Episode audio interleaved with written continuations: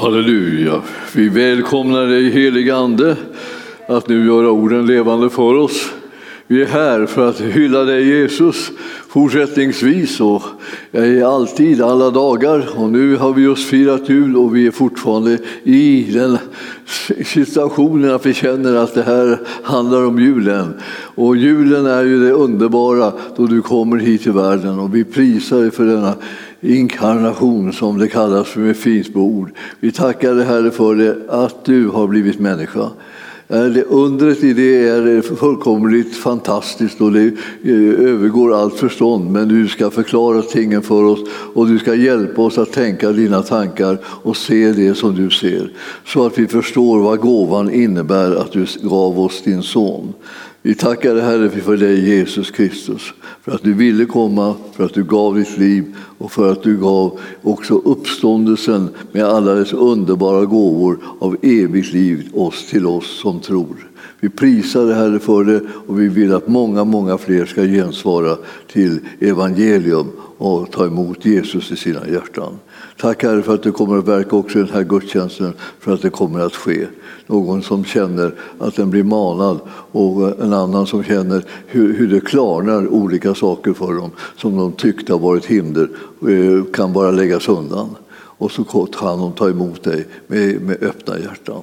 Vi prisar dig för det Herre och att vi ska få se den frukten av ditt ord som går ut. I Jesu namn. Amen. Tack lovsångare. Härligt med så många sådana där sånger om Jesus, Jesus och jag skulle säga det är det som det som jag har fått på hjärnan och i hjärtat och på allt sätt är det Jesus. Alltså. Tänk att få lära känna honom, att få tjäna honom, att få följa honom. Det är en ofantlig stor glädje. Ja, jag ska ge några ord, enkla, enkla ord här. Liksom enkla, så att säga, i korta ord också, eh, som, eh, som vi behöver tänka på. Världen eh, är full av ord som vi inte behöver tänka på och som vi inte borde tänka på. Sådana ord som mera skapar oro, otrygghet, och frustration och vanmakt och sånt där. Varför skulle man tänka på det när man har någon som har all makt i himlen och på jorden. Vår Herre är Jesus Kristus. Han har all makt i himlen och på jorden. Det betyder någonting helt annat det, än att liksom bara liksom tryckas ner av oro och bekymmer. Och, och, och, känna att vi har ingen makt alls och vi kommer inte, kan inte göra någonting åt någonting. Och vi, bara så här, jag menar, vi försöker ju liksom bekämpa en pandemi genom att hålla ett visst avstånd. Eh, det är möjligt att det kan hjälpa lite grann, men jag menar det löser inte problemet. Problemet är större. Känns som man känner liksom, ska vi tänka hur ska jag lösa det? Jag kan inte lösa det. Vem kan lösa det? Det kan han som har all makt i himlen och på jorden. Det är honom vi tillhör. Vi håller oss samman med honom för att det som han har, det vill säga lösningar och utvägar och så, ska komma oss till del. Vi ska slå upp Lukas evangelium och eh, eh, läsa bara en liten strof där. Och eh, det är det tolfte kapitlet och vers 32 blir det. 32, ja. Jag tänkte på det där eftersom ibland så när vi samlas på det här sättet där de flesta som vi samlas med så att säga, inte syns för oss som, eh, som, som ser varandra.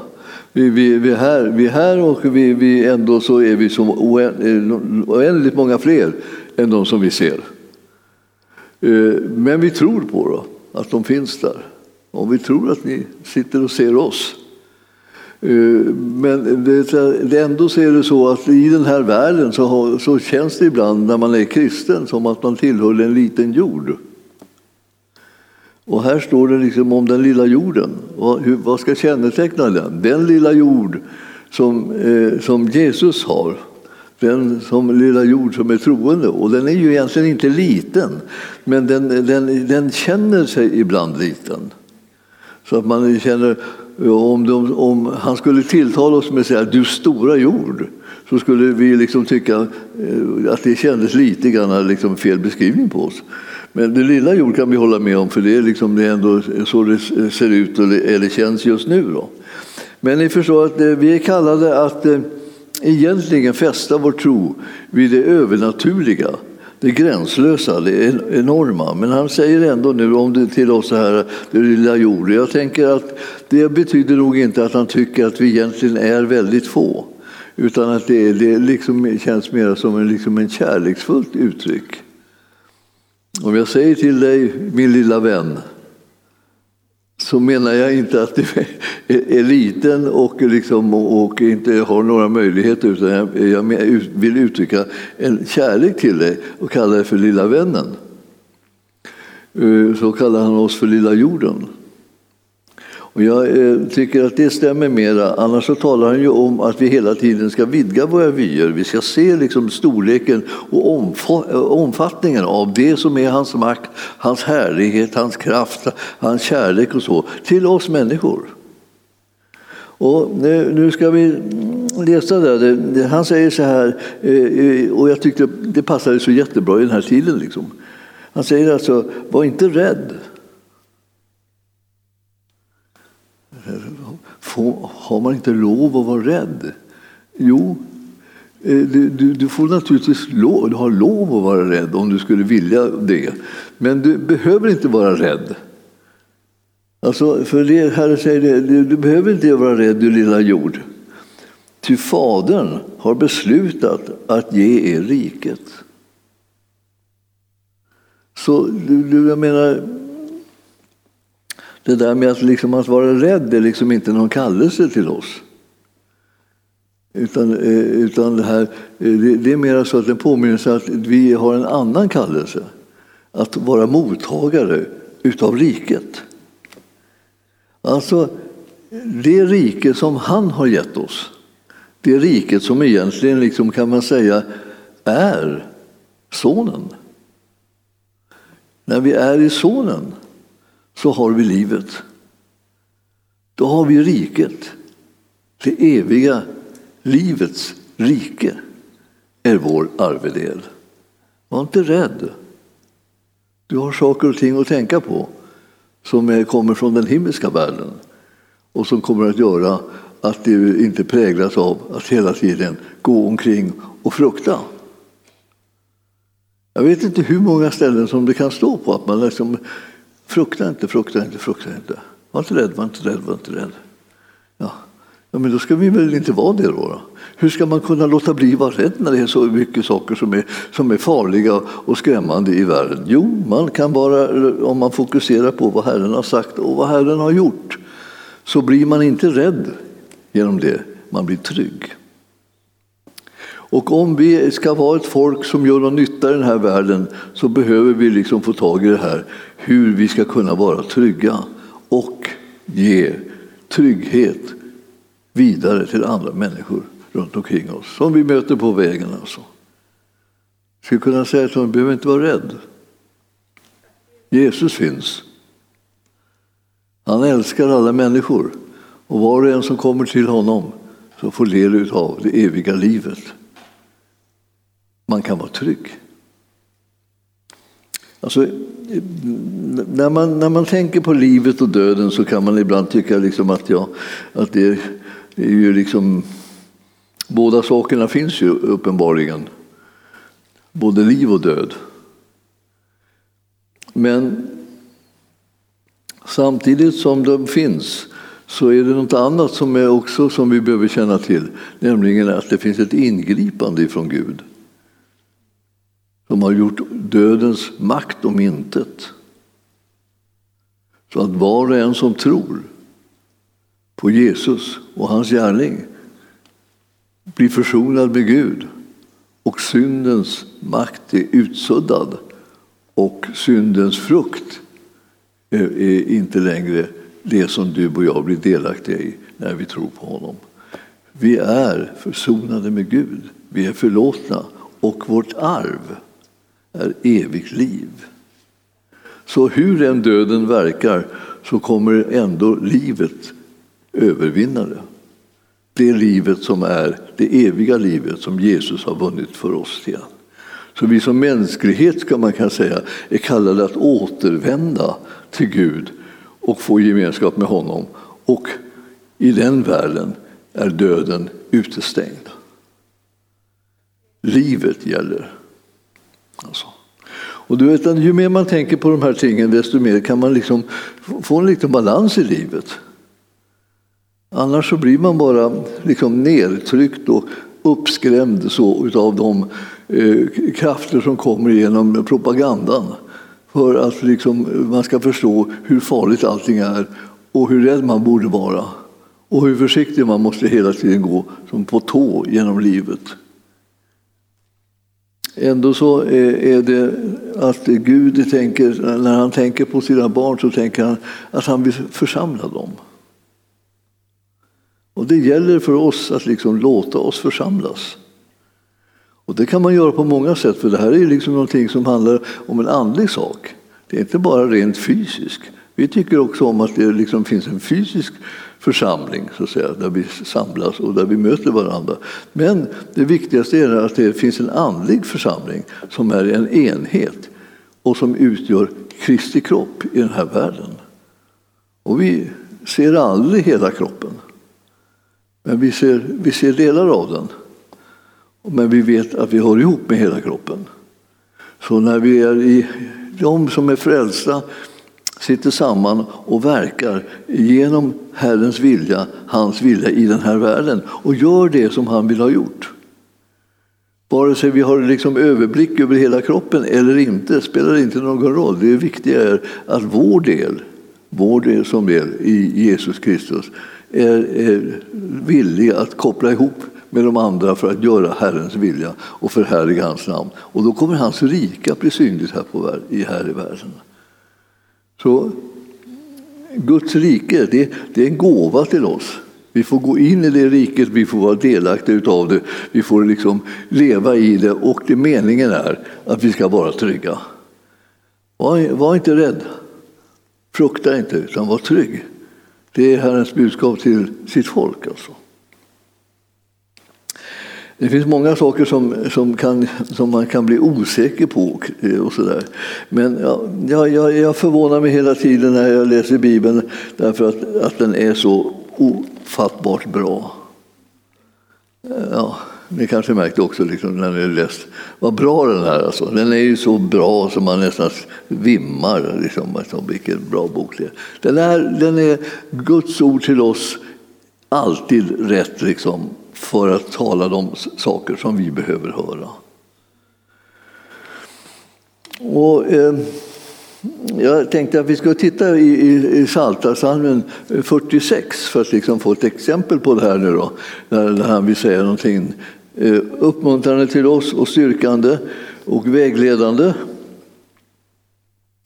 Och den har en liten rubrik, Gud är vår borg.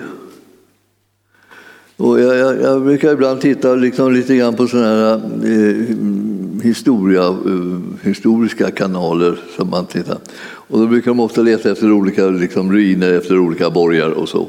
Ibland så när, när man håller på att åter, alltså, återskapar liksom bilden av hur den här borgen såg ut en gång i tiden, inte bara ruinen alltså, utan hur den såg ut, så kan man bli otroligt imponerad av vilka våldsamma borgar man har gått och, och, och byggt upp under olika tider. Vad, vad skulle man ha dem till? Man skulle ta sin tillflykt till dem. Och då, då, då, då, är det inte så jättesvårt att tänka vad, vad, vad menar Gud då när han säger här i den här psalmsalmen han är vår borg. Ja, vi ska ta vår tillflykt till honom alltså. Vi ska inte bara gömma oss i största allmänhet. Eller, eller akta oss för alla människor, eller någonting sånt här, utan vi ska ta vår tillflykt till honom. Det finns också en positiv sak som, inte, som är det här med att, det är, eh, att, att gömma sig. Det är det att man, att man springer till Gud. Då gömmer man sig på sätt och vis. Eh, men för vem? Vem är det som inte kan hitta en? Ja, mörkret finner den inte. Och döden finner den inte. Och ondskan finner den inte. Och sjukdomar och lidande finner den inte. Alltså man söker sig till Gud och gömmer sig där. Alltså man blir inte hittad av de här andra destruktiva krafterna som finns i tillvaron. De har kommit in genom synden så kom döden och alla dess olika liksom säga, sätt att dö på, liksom, av lidande och nöd och fruktan och så här, kom in då eh, genom syndafallet. Men nu har han kommit och låtit sig födas i den här världen som kunde råda bot på syndafallet så att var och en som tror ska få evigt liv och inte komma under någon dom. Sådana fantastiska ord och sådana fantastiska situationer vi befinner oss i. Här står nu här så Gud är vår tillflykt och vår starkhet, i vers 2. En hjälp i nöden, väl beprövad, är många som har testat hur det är att hålla sig till Gud. Alltså. Och de är, har vittnat så att säga, om detta är en väl beprövad liksom, medicin mot all fruktan och all nöd och all brist och, och all död och sådana här saker. Gud är vår tillflykt och vår starkhet. Han är en hjälp i nöden, väl beprövad. Så om du skulle börja uppfatta att du har hamnat i nöd så är det så att det är Gud, han är vår hjälpare. Och, eh, och när du vet det så står det i nästa vers att det finns ett därför. Nu blir det en konsekvens av att du vet någonting. Och jag skulle säga att det är så, så väldigt mycket så att säga, fruktan och oro och, och, och nöd som uppkommer att, genom att folk inte vet det som de behöver veta. De behöver veta vem Gud är och att han är trofast och han är tryggheten själv. Alltså. Så den som vänder sig till honom och har kontakt med honom, eh, den ska alltså, därför ska vi inte frukta om en jorden skakar och bergen störtar ner i havsdjupet. Om en havets vågor brusar och svallar så att bergen bävar vid dess uppror. Selah. Alltså, nej, du ska inte, även om det ser ut som att allting bara rasar ihop, folk, hela tillvaron bara liksom kollapsar, ska du inte frukta. Hur ska det gå till? Jo, du känner till någonting om Gud. Jag vill säga det att i alla sådana tider när det uppstår nöd så behöver man påminna om, du, du behöver känna till hur det är med Gud. Alltså, vad har han tänkt? Vad har han gjort? Vad har han berett för utväg? Vad har han gett för ställe där du skulle kunna vara trygg? Har han, har han gett dig någon plats som du kan ta din tillflykt till när allting annat rasar som du trodde skulle vara så stabilt och, och starkt och hållbart? Så rasar plötsligt det. Vad ska jag ta vägen? Ja, Gud har redan talat om det många, många gånger. Och du måste påminna dig om det så att du är rustad för att klara omställningar och förändringar och skakningar som är i tillvaron. Livet här på jorden rymmer massor med skakningar. De kommer inte från Gud. Men det kommer någonting från Gud som har att göra med trygghet och räddning och utvägar. Och det behöver du känna till. Så det, det är din rustning så att du ska klara det här livet med dess olika överraskningar. Vers 5 står det så här att en, en ström går fram med flöden som ger glädje åt Guds stad, åt den Högstes heliga boning. Gud bor där inne, den vacklar inte och Gud hjälper den när morgonen gryr. Ni ser att Guds stad är av en annan kaliber. Guds rike alltså är av en annan kaliber. Och Guds folk är kallad att vara av samma kaliber kan vi säga. Så, och tänk på det, det är det du räknas som. Du räknas som Guds folk. Du räknas som Guds barn. Du räknas som de som har, som har ärvt hela härligheten. Och jag, jag känner ibland så här, och, och vet du, tänk vilka, vilka, vilken sits vi har. Och ju mer vi tänker på det, desto mindre liksom kommer all oron och fruktan åt oss. Ju mindre vi tänker på det, desto nervösare blir vi. Om du undrar varför du är nervös så vet du liksom, då har du lite jobb att göra. Liksom, du ska vända dig till Gud och, och liksom vara med honom och tänka på honom och se vad han har sagt och vad han har gjort och alltihopa det här. Det är det som kommer att bevara och beskydda dig hela tiden i alla omständigheter. Så här är det. Den, den, det är Gud som bor i den här staden. Eh, och, eh, och där glädjen råder och tryggheten råder. Och det är en stad som inte vacklar. För att eh, Gud är garantin för att den står sig rakt igenom hela natten. Och så när morgonen gryr så visar det sig att den står fortfarande på plats, har hållit fienden utanför. Så att ni, ni förstår, när man läser så här så tänker man så här, tack Gud för alla orden som du ger. Så precis det som du vill tala till mig om, att jag inte behöver vara orolig. Just det, det vill han tala till oss om. Och därför hela folken larmar och riken vacklar och han låter sin röst höras och då smälter jorden. Alltså han har allting i sin hand och han ska sätta stopp för vad som helst. Och Herren Sebaot är med oss, står det i vers 8 också. Jakobs Gud är vår borg.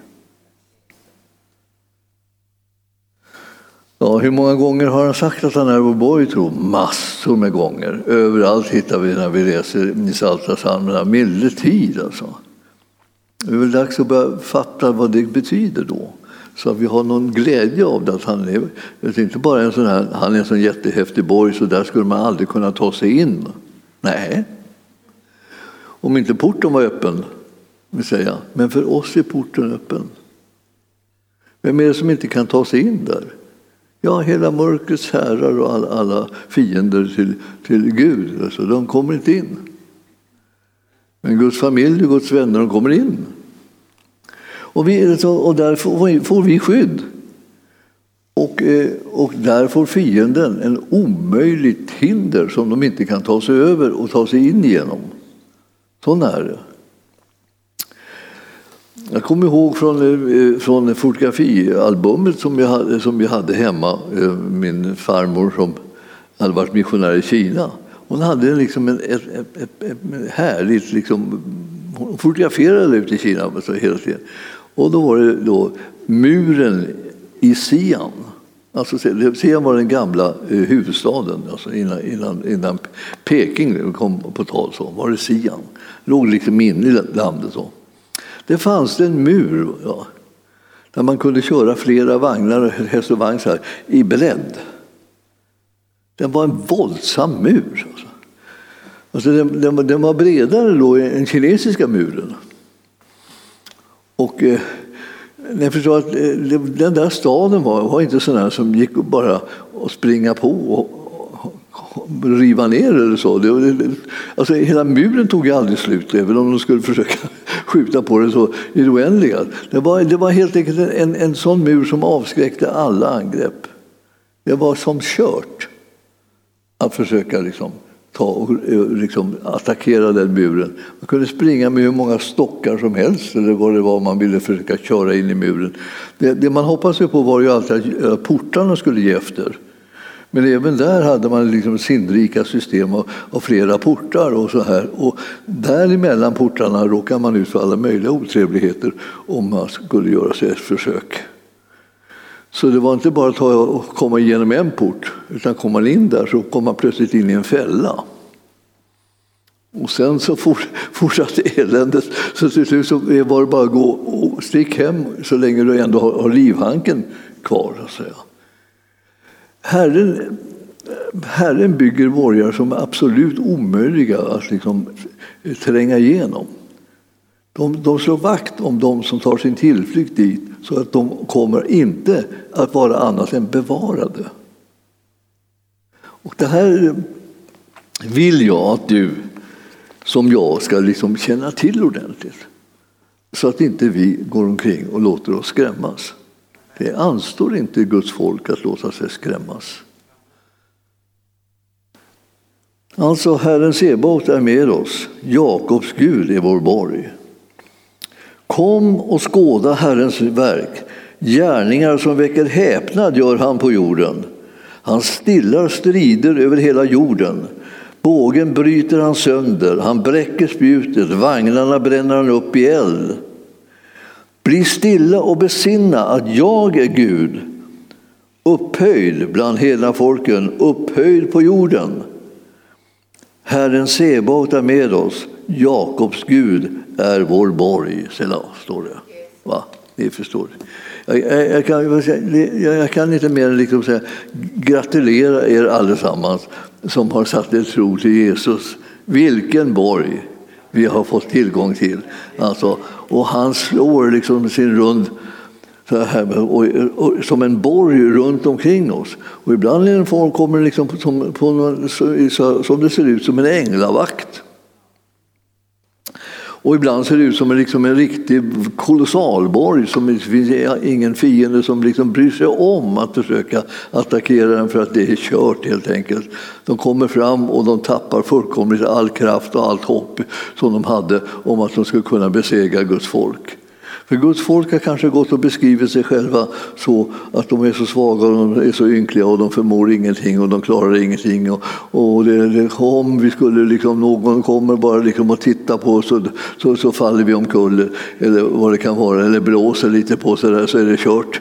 Eh, och, och, och, och lyssnar fienden på det där då kanske de får för sig att det, det är ingen konst att attackera dem, det är bara att rusa dit, alltså, det är alltid vidöppet. Och så springer de rakt in i en borg som de aldrig hade liksom kunnat drömma om. Alltså den var så stark och så bred och så stor så att, så att det var absolut ingen idé. Och där inne står då liksom Guds folk och är alldeles häpna över att de var så beskyddade. De borde inte vara häpna, de borde tycka att det var ju självklart. Det har de ju hört tusen gånger om de har läst i skriften. Att de, att de är i en borg som beskyddar dem och bevarar dem och räddar dem från alla attacker från fienden. Och eh, ibland så är det ju så där att man blir eh, dumdristig av fruktan också. Det är inte bara det att man blir försiktig, utan man blir dumdristig. Man tänker att ja, jag förmår ingenting så är det lika bra att jag, jag struntar i allt. Liksom. Det spelar ingen roll. Jag kommer aldrig undan ändå. Jag kommer alltid kommer att drabba mig. Och så kliver man utanför borgen och, och, och struttar omkring som en liten dåre. Och då är man ju snart ett offer. Det är som precis samma sak när vi har talat om Guds församling. Vad det betyder att tillhöra Guds församling. Ja, liksom det, det är att ha ett beskydd. Och den är som myskoxarna i jorden, ni vet, som jag har talat om så många gånger. Det är som den här fantastiska stimmen, eller liksom flockar av fåglar så där, som, som liksom flyger i, i takt Eh, så vem som helst som anfaller får bli fullkomligt konfys. De vet ju inte liksom vilket håll den ska liksom, uh, gripa in och vem ska de hacka på och vem ska de besegra. Så här, för att allt svävar runt och plötsligt har man alla runt sig. Och, och, så här. och fiskarna gör, gör med samma knep. Liksom. Det, det, vill, det vill till liksom att, att man ska kunna komma åt de här som har sådana här typer av skydd. Och då är det viktigt att inte bara ha det, utan liksom befinna sig i skyddet. Alltså man är en del av det. Och Guds skydd för Guds folk är församlingen.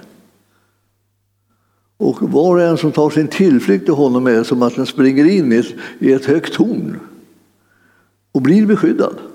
Ni känner igen det? Den som tar sin tillflykt till honom så, och hans namn, var det beskyddad. Så. Ja, alltså, det, det, det, finns ju där mycket saker som du och jag behöver känna till. Som om, när vi verkligen tror på dem och, och hör att det är Herren som talar till oss om den här tryggheten så kommer vi att kunna andas ut på ett helt annat sätt utan att bli dårar. Vi behöver inte liksom bara bete oss som tokar bara liksom för, för att vi har ett trygghet, utan vi, är, vi vet om att vi är beskyddade och därför så kan vi inbjuda människor in i den gemenskapen som är skyddad in i Guds församling, in bland Guds folk genom att de tar emot Jesus Kristus så kan de få bli en del av hans kropp. Och där är man beskyddad. Ja. Och livet handlar ju inte liksom bara om det här livet på jorden, tack och lov, utan det handlar ju om evigheten också. Så det här, är, det här livet är en liten stund. Vi ska alla här vara förhållandevis liten stund i jämförelse med den tiden som vi ska vara i himlen som är någonting som har evighetsprägel. Liksom, och, och vi, därför så, så, behöver vi inte liksom vara, gå omkring och tänka att, liksom att allt är förstört. Det finns ingenting som blir förstört av, av betydelse eh, här genom att det, det, det mörkret finns här i världen. Utan vi har ett skydd här och när vår tid här, här är över så har vi kommit till en värld som är helt och hållet präglad av Herren och inte av någonting annat. Och där finns skyddet totalt kan vi säga. Nu vill jag säga någonting till er också om det här eftersom vi är precis liksom i slutet ändå av året. Va? Jag, eh, och jag, ville, jag ville eh, läsa en, en bit i Galaterbrevet. För att eh, eh, vi, vi har många liksom, värderingar av olika slag i kristenheten. Alla är ju inte hämtade från Guds ord, utan en del har vi liksom bara tagit över som en slags tradition eller, eller liksom hämtat från hur ska jag kunna få makt och kontroll över andra människor. Eh, och, eh, och alla de tankarna som eh, kommer där, de är liksom inte heller liksom sådana som är, är givna av Herren, utan han har givit andra tankar. Och jag vill påminna dig om det genom att läsa från Galaterbrevet 4. Och vi, vi, vi ska ta liksom en, bara en titt där, för att det, det här är om du tycker det här var en konstig predikan som kommer liksom om, handla om lite ditt och datt. Ja, det är inte något smått ditt och datt som jag pratar om, utan det pratar om avgörande för ditt och mitt liv. Men då ska vi veta också liksom vad som är avgörande för eh, våra relationer med varandra. Vi människor alltså här på jorden. Tänker att jag, är det en skillnad liksom? Ja, det finns ju de som tror att det är skillnad. Men precis som evangelium erbjuds varje människa så är konsekvensen av evangelium samma sak. Alltså frälsning, försoning och gemenskap med Gud. Alla blir vi insatta i kroppen, Kristi kropp. Alla blir vi lemmar i Guds församling. Det är därför vi kallas för medlemmar. Det är ett väldigt bra ord för, för oss. Alltså. För så. Och det är medlemmar i samma kropp. För att göra det som var och en har fått i uppgift att göra eh, av Herren. Och var och en som ska förvalta sina gåvor och sin utrustning som Herren har gett den duger för det som är uppdraget som de har fått i kroppen. Och därför så behöver det läsas ibland sådär eh, lite grann om hur, hur, det här, hur det nu är med det hela. Och det fjärde kapitlet där. Och eh, från fjärde versen tänkte jag att vi kunde läsa. Så, så ska vi se hur det är med de här eh, människorna som har kommit till tro. Han säger så här från första, första versen där kan vi ta det faktiskt. Eh, jag menar, säger han i fjärde kapitlet och första versen i Galaterbrevet, jag menar, så länge arvingen är omyndig så är det ingen skillnad alls mellan honom och en slav, fast han äger allt. Så här kan man alltså befinna sig liksom i ett läge där man, där man egentligen inte riktigt har tillgång till sakerna ännu, men, men man har egentligen allt. Alltså, man har inte kommit till, till mognad att förvalta punden som man har, men man är på väg. Men allt är redan givet, vilket är bra att veta. Det känns liksom tillfredsställande att allt är givet fastän jag inte uppnått allt som jag är kallad att göra. Och så står det i andra, andra versen där han står under förmyndare och förvaltare fram till den dag som hans far har bestämt. Alltså eh, det, finns det en utveckling här som en förmyndare, någon som tränar en Eh, och en förvaltare som eh, eh, har hand om ens ägodelar och resurser och ser till att de blir väl förvaltade. Så kommer det en dag som då är bestämt att du själv tar över förvaltningen av alltihopa. Därför att nu ska du träda in i det som är din kallelse och ditt uppdrag. På samma sätt var det med oss. Så länge vi var omyndiga var vi slavar under världens stadgar. Alltså, han beskriver det här livet som att att vi, vi, vi var liksom, som icke-frälsta. Liksom, så satt vi fast och blev drivna så att säga, som slavar under världens stadgar. Hur världen ville ha det. Det var de som bestämde och var de som talade om hur man skulle göra och inte göra. Men när tiden var fullbordad så, det, så sände Gud sin son Jesus, född av kvinna och ställd under lagen det vill säga han kom in som en människa och där han föddes hamnade han då in under lagen. För det var det som hela folket stod under in i, bland det judiska folket, alltså, under lagen. Och där kom han in och var en av dem som stod under lagen. Och, alltså, och lagen var god, men människan var fallen. Precis som alla andra människor var vi fallna. Och det där att vara fallen liksom, det, det var liksom en konsekvens av syndafallet.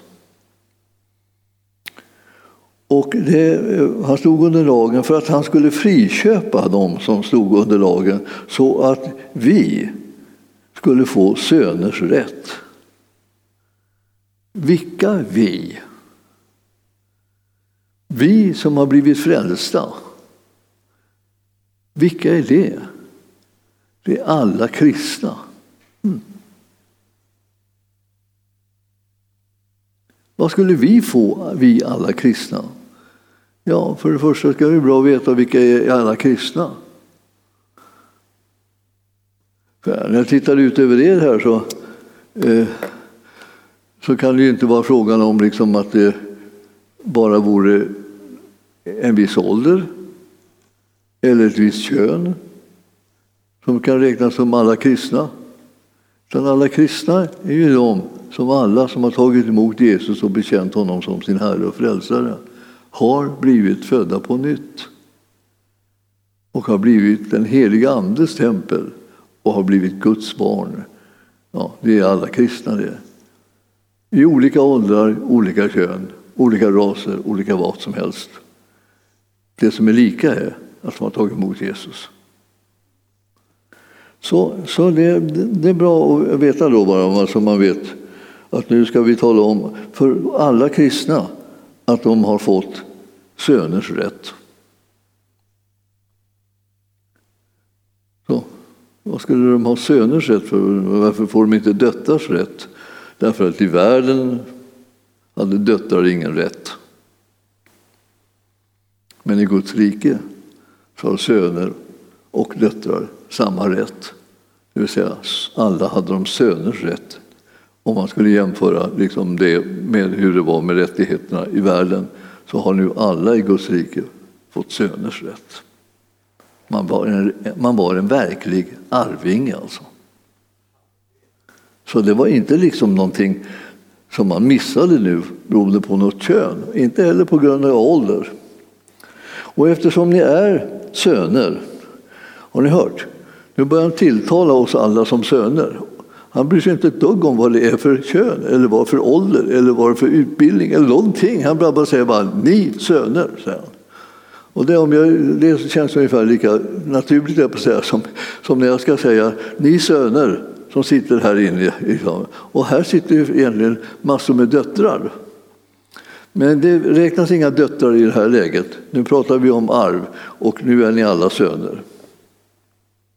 Alltså eftersom ni är söner har Gud sänt i våra hjärtan sin sons ande som ropar Abba fader. Och det kan alla sönerna ropa som har blivit arvingar eh, genom Jesu död. Och så, eh, så är du inte längre slav utan son. Är du son så är du också arvinge insatt av Gud, står det.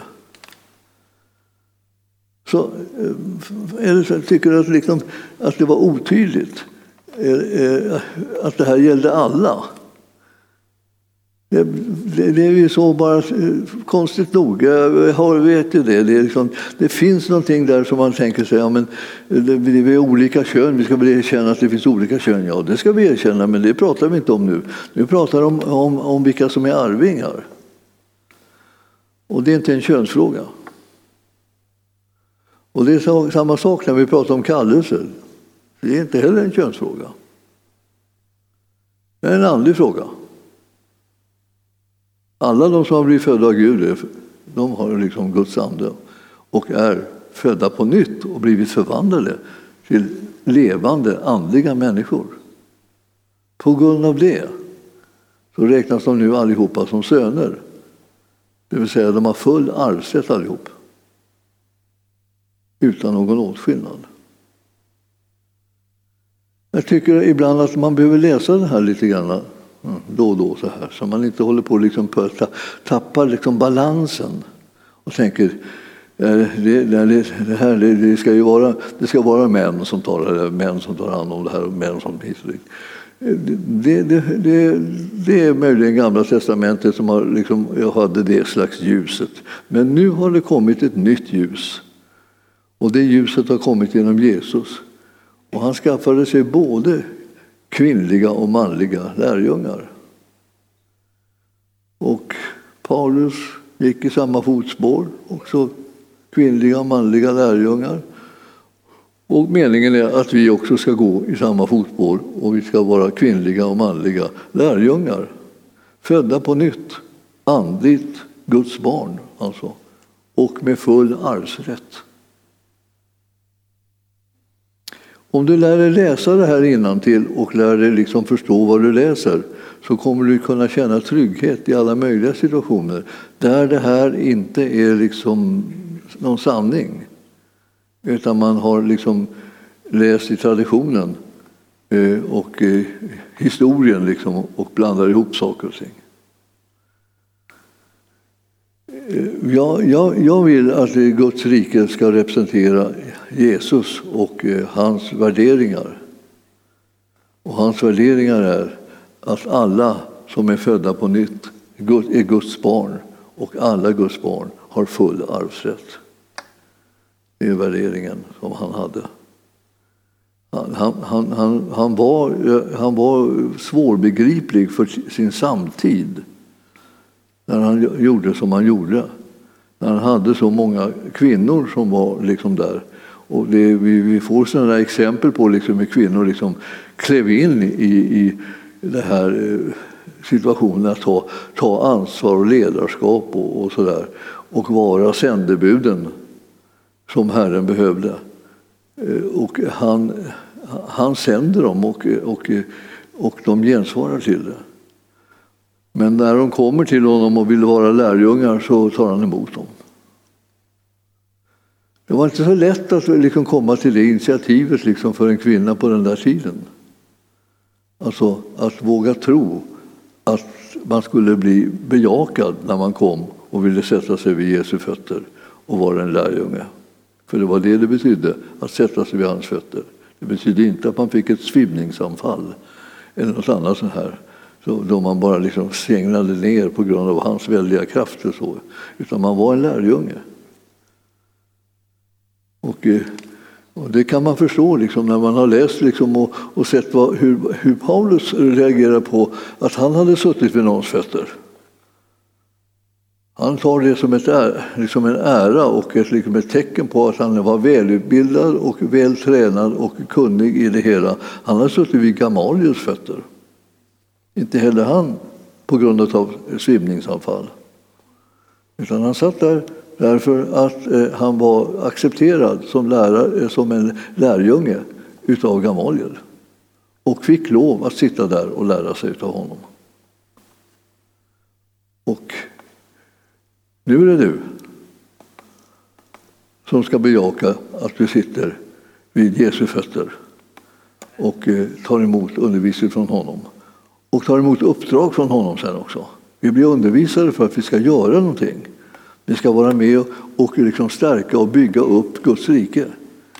Så var och en har ansvar för att göra, ge ett gensvar till, till kallelsen som han ger oss. Och det gör vi på många olika sätt, men vi lär oss att bekanta oss med vem är Gud och vem är den han har sänt Jesus Kristus. Och var hittar vi sanningen? Jo, nämligen i Gudsordet. Och utan att vi liksom kommer underfund med det här att det är Guds ord som är sanningen, och det är Guds ordet som jag ska rätta mig efter och få bli uppbyggd av och styrkt och riktad av så att jag kommer in på rätt väg. Så kommer jag att gå vilse och snart bli en slav för, för, i, i någons händer så att säga. Någon tar makten över oss, någon, någon bestämmer över oss, någon, någon, driver oss åt olika håll eh, som vi känner att det här är inte rätt. När det är för sent att tappa makten, känner man ungefär. Och så ger man upp och man kommer alltid att ge upp så länge som man inte har kontakt med sanningen. Men sanningen finns, finner vi i Gudsordet. Och Jesus han säger själv, jag är själva sanningen. Så du, ni behöver hålla er till mig, ni behöver lyssna till mig, annars kommer ni att gå vilse. Och Herren vill inte att någon av oss ska gå vilse. Han vill att vi ska vara ett frimodigt folk som bygger upp Guds rike och tar vår tillflykt inom de starka murarna som Herren har berett åt oss. De sanningar och de, de, de kallelser och den utrustning som han har gett oss gör det, blir ett beskydd runt våra liv och vi ska tjäna honom och ära honom. Vilken fantastisk, vilken förmån det är att få vara en kristen. Och, jag ska säga mer än så, det är en sån förmån att få vara en kristen bland alla människor som tar emot Jesus, liksom, att till, sitta ihop med dem och höra samman med dem för att kunna göra Herrens vilja. Fantastiskt vilken välsignelse det är. Alltså, du behöver tänka så här, tänk att vi har varandra. Tänk att vi, att vi kan arbeta och tjäna tillsammans. Jag tänkte lite grann så här, Helena sa så här, jag är, jag är en arbetare här i församlingen. Jag kan säga det, Helena hon är en medarbetare eh, i församlingen. För, för hon, hon sitter ihop med oss andra för att tjäna Herren i och genom församlingen. Hon är inte bara någon som har det här som jobb, hon har det här som en kallelse. Och det, liksom, det är skillnad. Då kommer hon in i kroppen och sitter hon länkad med oss. Och så är det med många av er som kommit in och liksom sitter länkade med oss på olika sätt. Då. Och en del är på väg in. Jag vi, har en, vi har ju mognadsprocesser och vi har träning och sådana här saker. Men vi är på väg in att bli liksom verksamma lemmar i kroppen.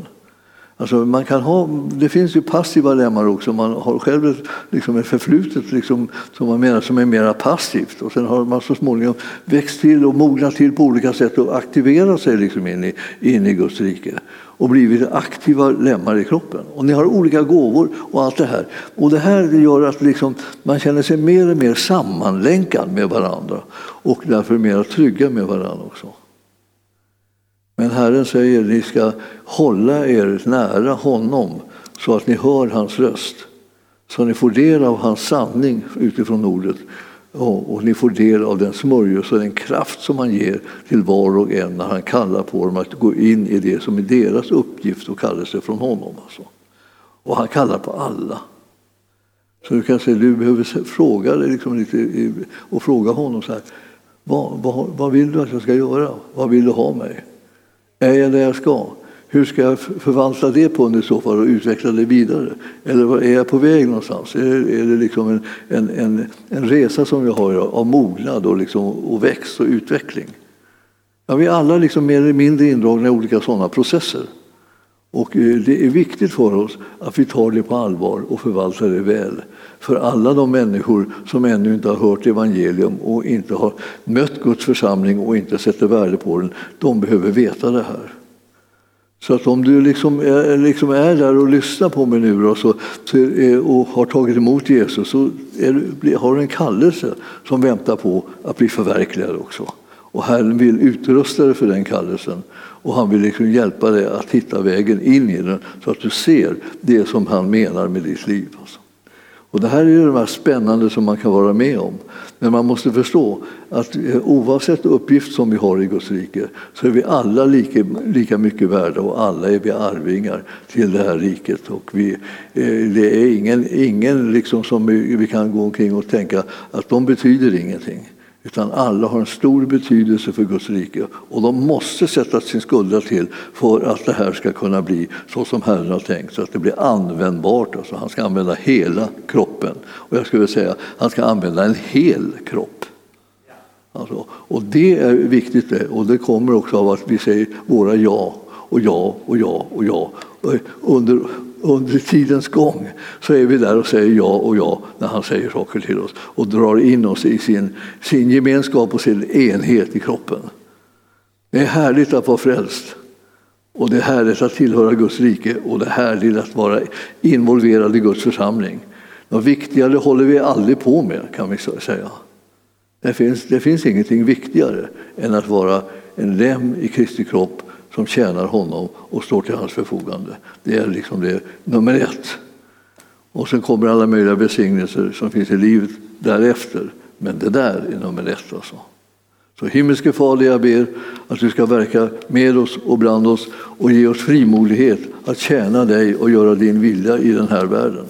Jag tackar dig för att du har sån omsorg om varje människa och att du har sån kärlek till oss alla så att vi med frimodighet kan säga ja och räkna med att du vill ha med oss att göra. Du vill att vi ska vara en del av det som är hans verk här på jorden. Och du säger ditt ja till det så att du kan rustas och sändas på ett sätt som gör att du frimodigt länkar dig till alla andra syskon som går på den här vägen och utgör kroppen och hela dess funktion. Vi prisar dig Herre för att vi ska få ära dig med våra liv och vi älskar dig Jesus och vill bara tjäna och följa dig i Jesu namn. Och församlingen sa Halleluja.